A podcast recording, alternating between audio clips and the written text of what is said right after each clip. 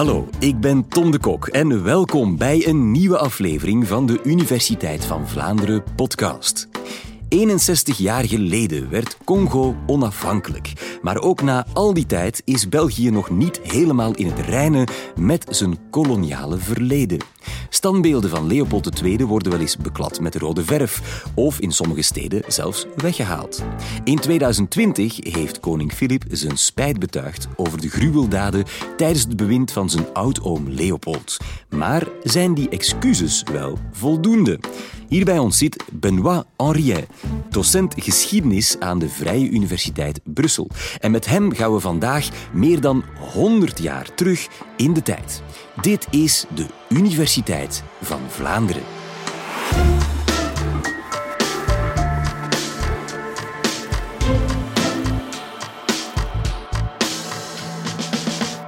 Vaak vragen mensen aan mij of België nu wel of niet voldoende excuses heeft aangebonden aan Congo.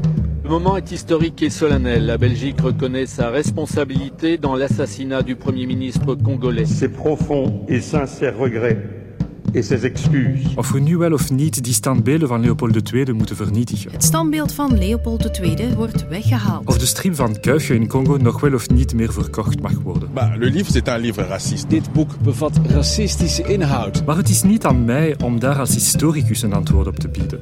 Het is een onderwerp van debatten tussen burgers en politici over hoe wij kunnen omgaan met het collectief geheugen, met een zwarte, gewelddadig pagina van ons verleden. Onzila te nakolongono. Historici houden zich bezig met de studie van de sporen van dit verleden om die debatten te voeden. Congo antwoordt vol vreugde en blijdschap. Ze dragen een raffia-schort en rinkels aan de schenen. Hun lichaam hebben ze bestreken met rode poeder van stuk gevreven hout. Vele landen hebben een geschiedenis die ze moeten verteren. Ook voor ons land is dat het geval. Voor heel lang bijvoorbeeld kwam Congo nauwelijks aan bod in de geschiedenislessen op school. Als er daar toch iets over verteld werd, dan ging het vooral over Leopold II en de koloniale pioniers, dus de mensen die daar als eerst aankwamen in Congo en daar zogezegd de beschaving kwamen brengen. Vandaag wil ik jullie een ander verhaal vertellen. Ik loods jullie doorheen drie verschillende perioden: de Congo-Vrijstaat, Belgisch Congo en postkoloniaal Congo. In 1884 verenigen vertegenwoordigers van de grote westerse machten zich in Berlijn om grote delen van Afrika tussen hen te verdelen.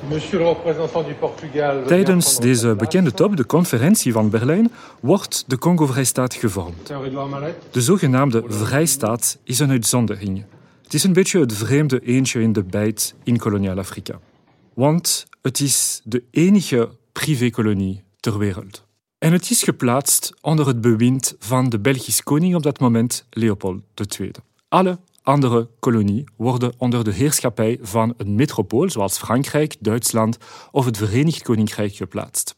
In de Vrijstaat Congo is het enkel de vorst en niet België die de administratie regelt van een reusachtig domein die toch 76 keer groter is dan België. Congo koloniseren is enorm kostbaar voor de vorst. Spoorwegen aanleggen, administratie organiseren, een leger oprichten, grondstoffen ontginnen enzovoort. In het begin zijn de rijkdommen van het land amper bekend, behalve ivoor.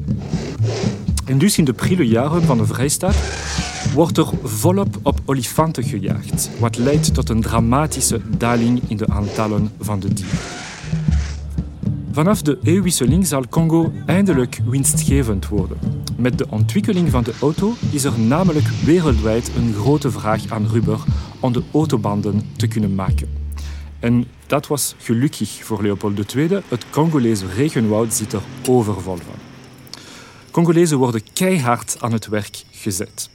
De kolonie moet zoveel mogelijk rubber produceren tegen alle menselijke kosten.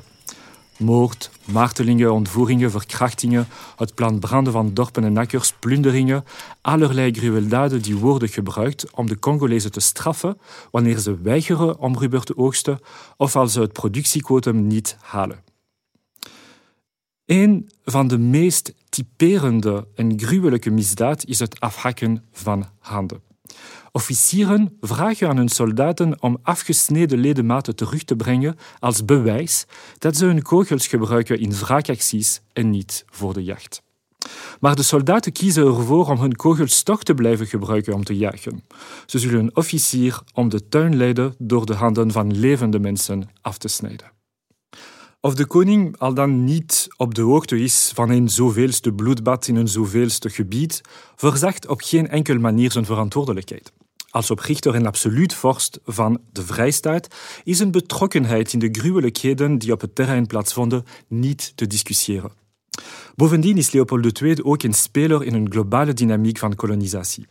De expansie van Europese nazistaten over andere continenten wordt gerechtvaardigd vanuit het arrogante vertrouwen in de superioriteit van de blanken en ging overal ter wereld samen met geweld.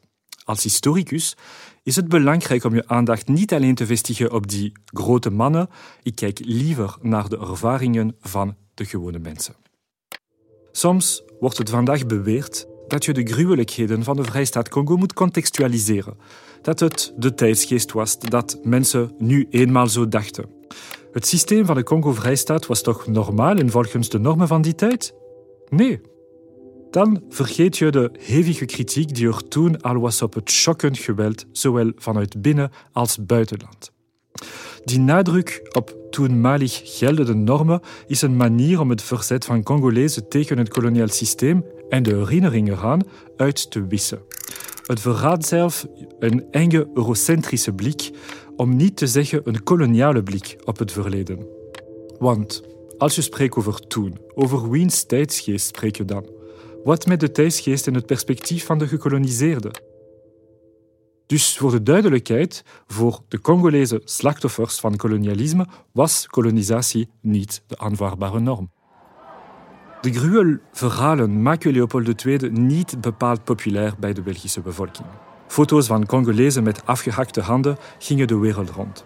Nog vandaag blijven ze shockend. Er is een heel bekende foto van Sala, een arbeider die kijkt naar de afgehakte hand en voet van zijn dochtertje. Je moet die foto maar eens opzoeken als je die nog niet gezien hebt. Het regime van Leopold II aan het eind van de 19e eeuw was bijzonder vreed. Onder nationaal en internationale druk moet de koning Congo dan ook afstaan aan België in 1908. De Congo-Vrijstaat wordt Belgisch Congo. Grand monarque, comprenant que la vitalité de son peuple est trop grande pour l'exiguïté de son territoire.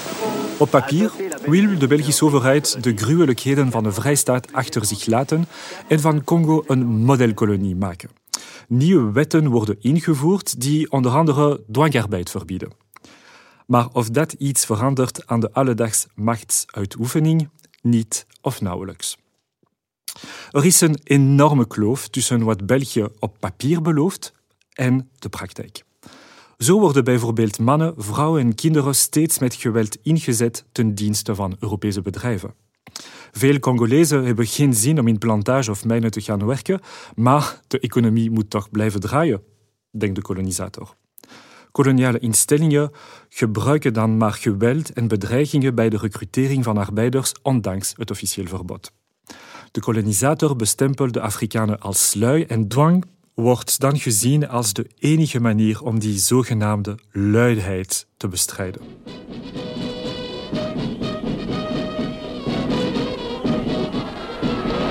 De mysterieuze wetenschap en de wonderen der moderne techniek verbluffen de jonge Congolezen de Camina lang niet meer. Ze zijn evengoed bedreven in het onderhoud van een motor als in de controle van elektrische leidingen. Rokende schoorstenen verraden de aanwezigheid van de werkende mens.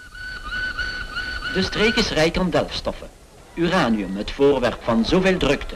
Industriediamant, goud, tin, kobalt. In Belgisch Congo wordt aan doelgericht propaganda gedaan die goede zaken zoals onderwijs, gezondheidszorg en infrastructuuruitbouw in de verf zet.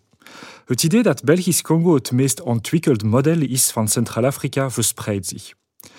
Maar wat daar niet bij verteld wordt, is dat die inspanningen vooral gericht zijn op het winstgevend maken van de Belgische kolonie. Neem nu het onderwijs. Ten eerste moet je je de vraag stellen over wat soort onderwijs het gaat. Het is een onderwijssysteem dat bedoeld is om de Congolezen klein te houden en ondergeschikt aan de Belgen. In Belgisch Congo zijn er veel lagere scholen, maar weinig middelbare scholen en geen enkel universiteit, tot voor 1954, zes jaar voor de onafhankelijkheid van het land. Waarom deze beperkte opleidingskansen die aan Afrikanen worden gegeven? Wel, het is een bewuste keus om de opkomst van een potentieel rebellerende elite te vermijden. Als Congo in 1960 onafhankelijk wordt, hebben slechts 16 inwoners een universitair diploma. 16 op een totaalbevolking van ongeveer 15 miljoen mensen.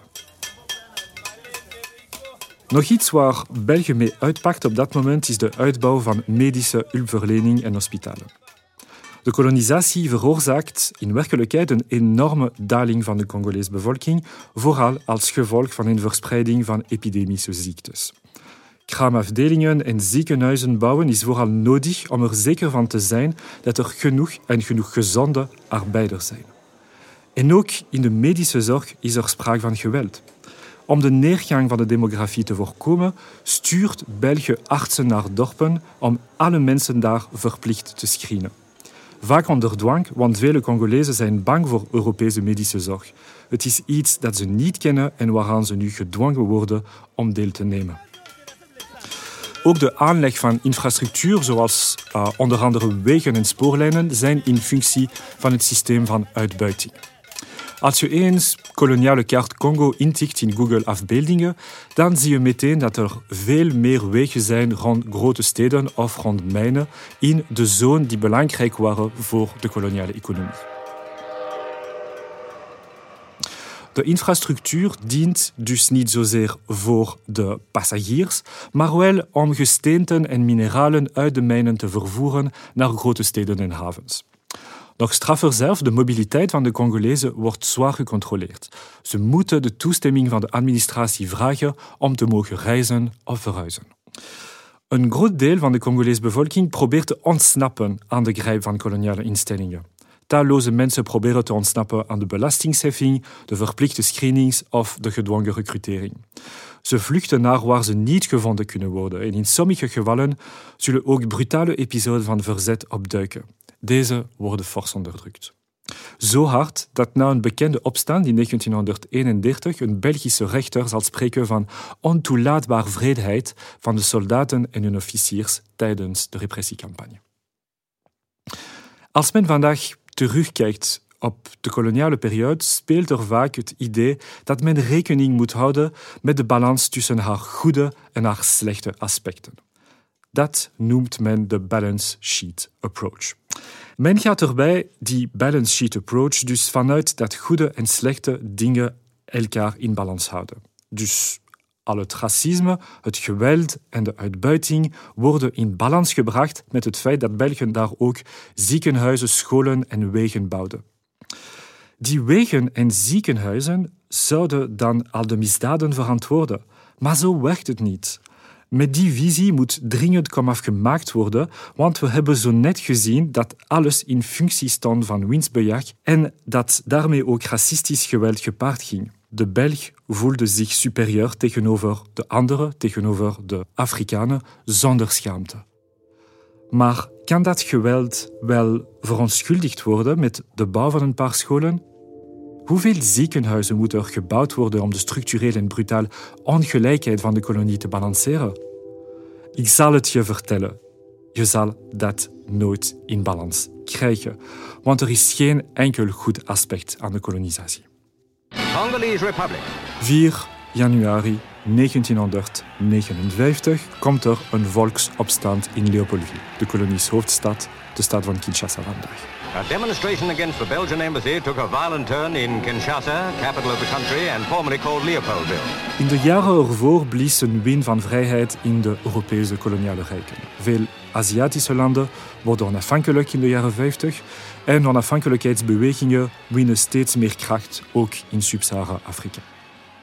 De Belgische overheid beseft al snel dat de onafhankelijkheid van Congo gewoon maar een kwestie van tijd is. Bovendien willen ze een brutale en langdurig onafhankelijkheidsoorlog absoluut vermijden, zoals dat gebeurd was in Algerije. Op 13 januari, enkele dagen na de opstand, belooft Boudewijn in een radiospeech dat Congo onafhankelijk zal worden. À l'aéroport d'Unjili, les ministres congolais entourant le premier Lumumba et le chef d'État Kasavubu sont venus attendre l'avion royal. Belgische elite hopen wel dat de onafhankelijkheid van Congo zal toch leiden naar een pro-Belgische politiek en dat Congo nog steeds economisch afhankelijk zal blijven van haar voormalig metropool. Le souverain se fait présenter les ministres congolais. Maar de nieuwe en eerste premier van Congo wordt Patrice Lumumba. En daar staat Brussel niet voor te springen. Lumumba is een nationalist. Een vurig pleitbezorger van onafhankelijkheid die in één adem genoemd wordt met alle grote leiders van de strijd tegen het kolonialisme. Tijdens de officiële plechtigheid van de onafhankelijkheid op 30 juni 1960 spreken twee grote figuren die allebei hun kant tonen van de koloniale ervaring in Belgisch Congo. Patrice Lumumba. Congolais et Congolaises, nous avons connu les ironies, We hebben spots, beledigingen, slagen gekend die we ochtends, 's middags en 's avonds moeten ondergaan, omdat wij negers waren. We zijn getuigen geweest van het afschuwelijk lijden van degenen die veroordeeld waren voor hun politieke standpunten of godsdienstige overtuigingen.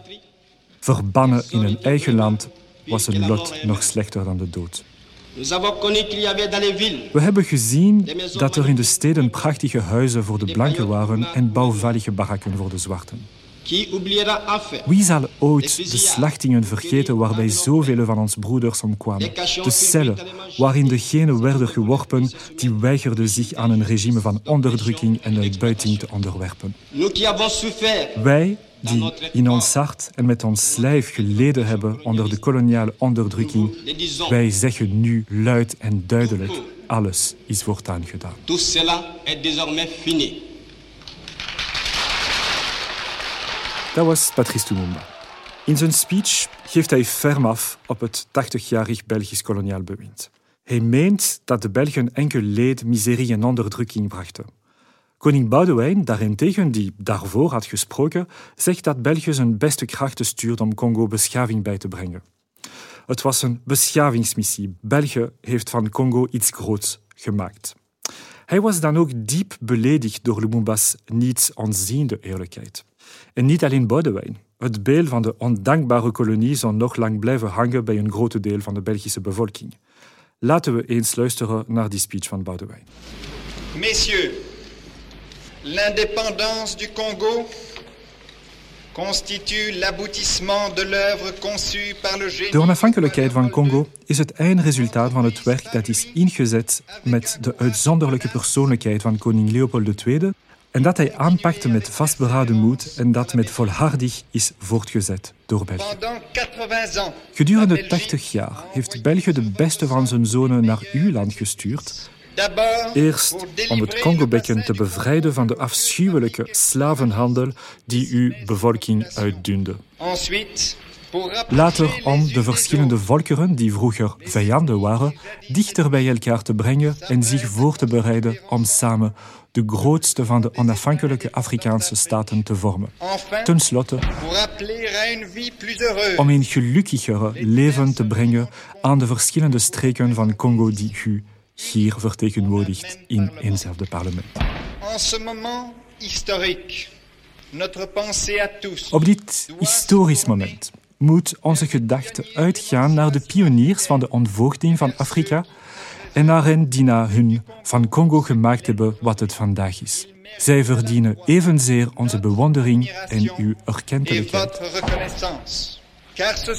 Want het zijn zij geweest die door hun beste krachten en zelf hun leven te offeren aan een groot ideaal, u de vrede gebracht hebben en uw moreel en materieel bezit hebben verrijkt.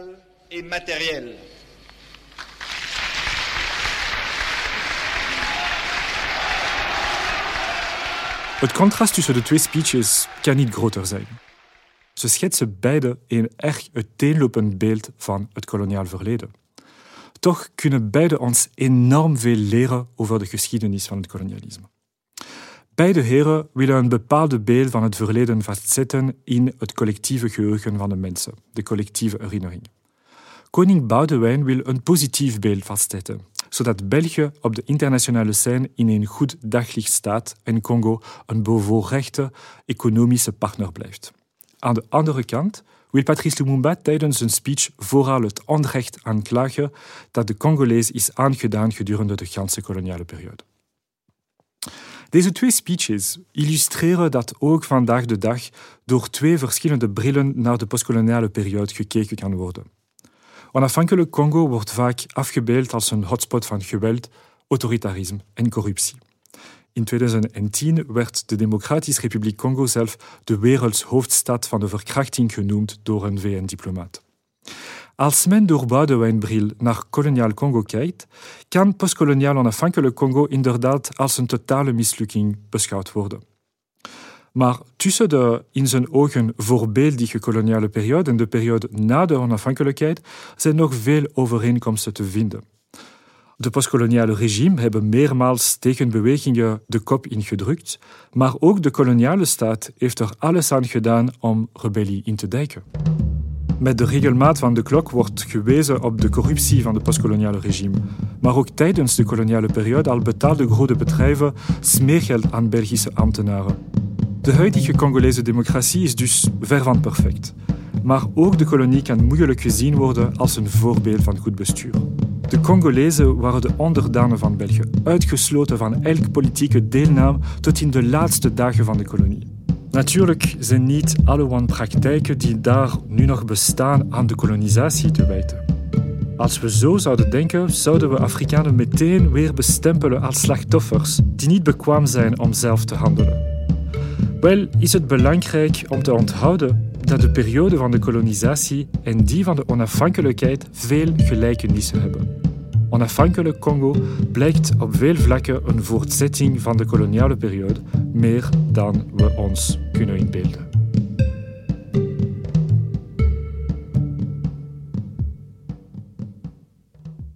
Dankjewel, professor. Ja, dat is vernietigend. Dat is wel het minste dat we kunnen zeggen. Je hebt letterlijk gezegd, er is geen enkel goed aspect aan de kolonisatie. Is dat vandaag de consensus onder historici? Grotendeels wel. Uh, ik denk dat uh, voor uh, mijn collega's in het algemeen is het idee of de overtuiging dat kolonisatie wordt gekenmerkt door een vorm of veelzij, verschillende vormen van uh, raciale en racistische onderdrukking. En op basis ervan wordt het echt moeilijk dan om iets positiever aan te vinden. Uh, sommige collega's bijvoorbeeld maken een beetje het, uh, een vergelijking met als iemand bijvoorbeeld je auto zou stelen, maar beter voor je auto zou zorgen dan jezelf. Zou je dan toch aanvaarden dat je auto gestolen van jou wordt? Nee, is het antwoord daar luid en duidelijk. Het, uh, je hebt er een, een, een, verbale boksmatch tussen Boudewijn en Lumumba bijgehaald, die waar gebeurd is uiteraard. Um, ik denk dat wij twintig of dertig jaar geleden met z'n allen heel makkelijk in het verhaal van Boudewijn meegingen. En dat we vandaag met z'n allen, onder andere dankzij Black Lives Matter, uh, veel meer in dat Lumumba-verhaal meegaan. Uh, waarmee ik wil zeggen, de geschiedenis verandert voortdurend, hoewel ze gebeurd is. Onze blik verandert constant. Naar waar zijn we onderweg? Waar eindigt dat? Gaat er ooit een definitieve visie komen op dat koloniale verleden? En zo ja, waar gaat dat dan liggen? Dat denk ik niet. Uh, dat geldt voor geschiedenis in het algemeen. Uh, geschiedenis heeft iets revisionistisch, als ik het mag zeggen. Het is altijd terugkijken naar het verleden met nieuwe perspectief, nieuwe vragen soms als we gelukkig zijn ook nieuwe bronnen dat we kunnen vinden, die altijd een beter inzicht op het verleden le kan leveren, maar ook het geeft aan ons de kans om misschien terug te kijken naar verschillende perioden met een nieuwe blik, een nieuwe vraag. En het is zeer moeilijk om te weten wat uh, zal de historici van 20 jaar van nu echt prikkelen. Geen flauw idee. Dus uh, ik, kan het niet, uh, ik kan het niet voorspellen, helaas. Ja, de vreedheid en het racisme, het is gebeurd. Het, het verleden is onuitwisbaar. Je zei net al, van, ja, de vraag is, kunnen we ooit genoeg sorry zeggen? We kunnen dit nooit meer rechtzetten. Je voelt je bij dit verhaal per definitie ongemakkelijk. Wat, wat is jouw persoonlijk gevoel daarbij? Dat is een goede vraag. Uh, ik Ik heb een, een diepe afkeer voor kolonisatie en daarom wil ik het ook studeren. Um, ik denk dat uh, ik, ik heb op zich. Ik denk dat de vraag van de excuus per se, en de excuus die moeten aangeboden worden, is iets die extreem belangrijk kan zijn voor, uh, voor de machtshebbers, voor de overheid, voor een bepaalde regering, voor de koningshuis bijvoorbeeld. Maar uh, wat ik vaak heb opgemerkt, is dat er is een verschil tussen dat soms het idee van de officiële excuus botst tegen de persoonlijke geheugen en familieverhalen van sommige mensen. Mensen die bijvoorbeeld een grootouder of een oom of een tante had die uh, betrokken was bij de kolonisatie op een persoonlijk niveau. Bijvoorbeeld uh, iemand die een tante had die een zuster was uh, in die een of de andere missie in Centraal-Afrika. En dan zeggen deze mensen, ja, misschien was kolonie, kolonisatie slecht, maar mijn tante bijvoorbeeld, ze heeft niet slecht gedaan. Ze was gewoon daar om les te geven, om mensen te genezen.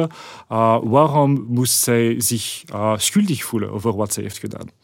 En dus dat is iets die superbelangrijk is voor, voor, voor mij en voor onze collega's, ook om een onderscheid te maken tussen de individu en de structuur. Uh, individuen die worden betrokken bij kolonisatie worden betrokken bij een racistisch gewelddadig structuur. Maar natuurlijk, het manier waar mensen zich ik weet niet, ja, gedragen of wat ze ermee doen of erin doen, dat is een ander verhaal. En het is natuurlijk mogelijk dat uh, eerlijke, mooie relatie van vertrouwen, van wederzijdse affectie en liefde kunnen natuurlijk opkomen in deze onderdrukkende context. En dat is iets dat wij altijd, denk ik, moeten wat, waarmee we uh, rekening moeten houden om, uh, als we spreken over het koloniaal verleden. Dankjewel, professor Benoît Henriet van de Vrije Universiteit Brussel. Veel om te verteren, maar ook belangrijk om ons heden beter te begrijpen. Misschien wil je deze podcast wel delen. Doe dat dan vooral via Facebook, Instagram of Twitter. En laat ons ook meelezen met je gedachtenkronkels via info.universiteitvanvlaanderen.be. Heel graag tot een volgende keer.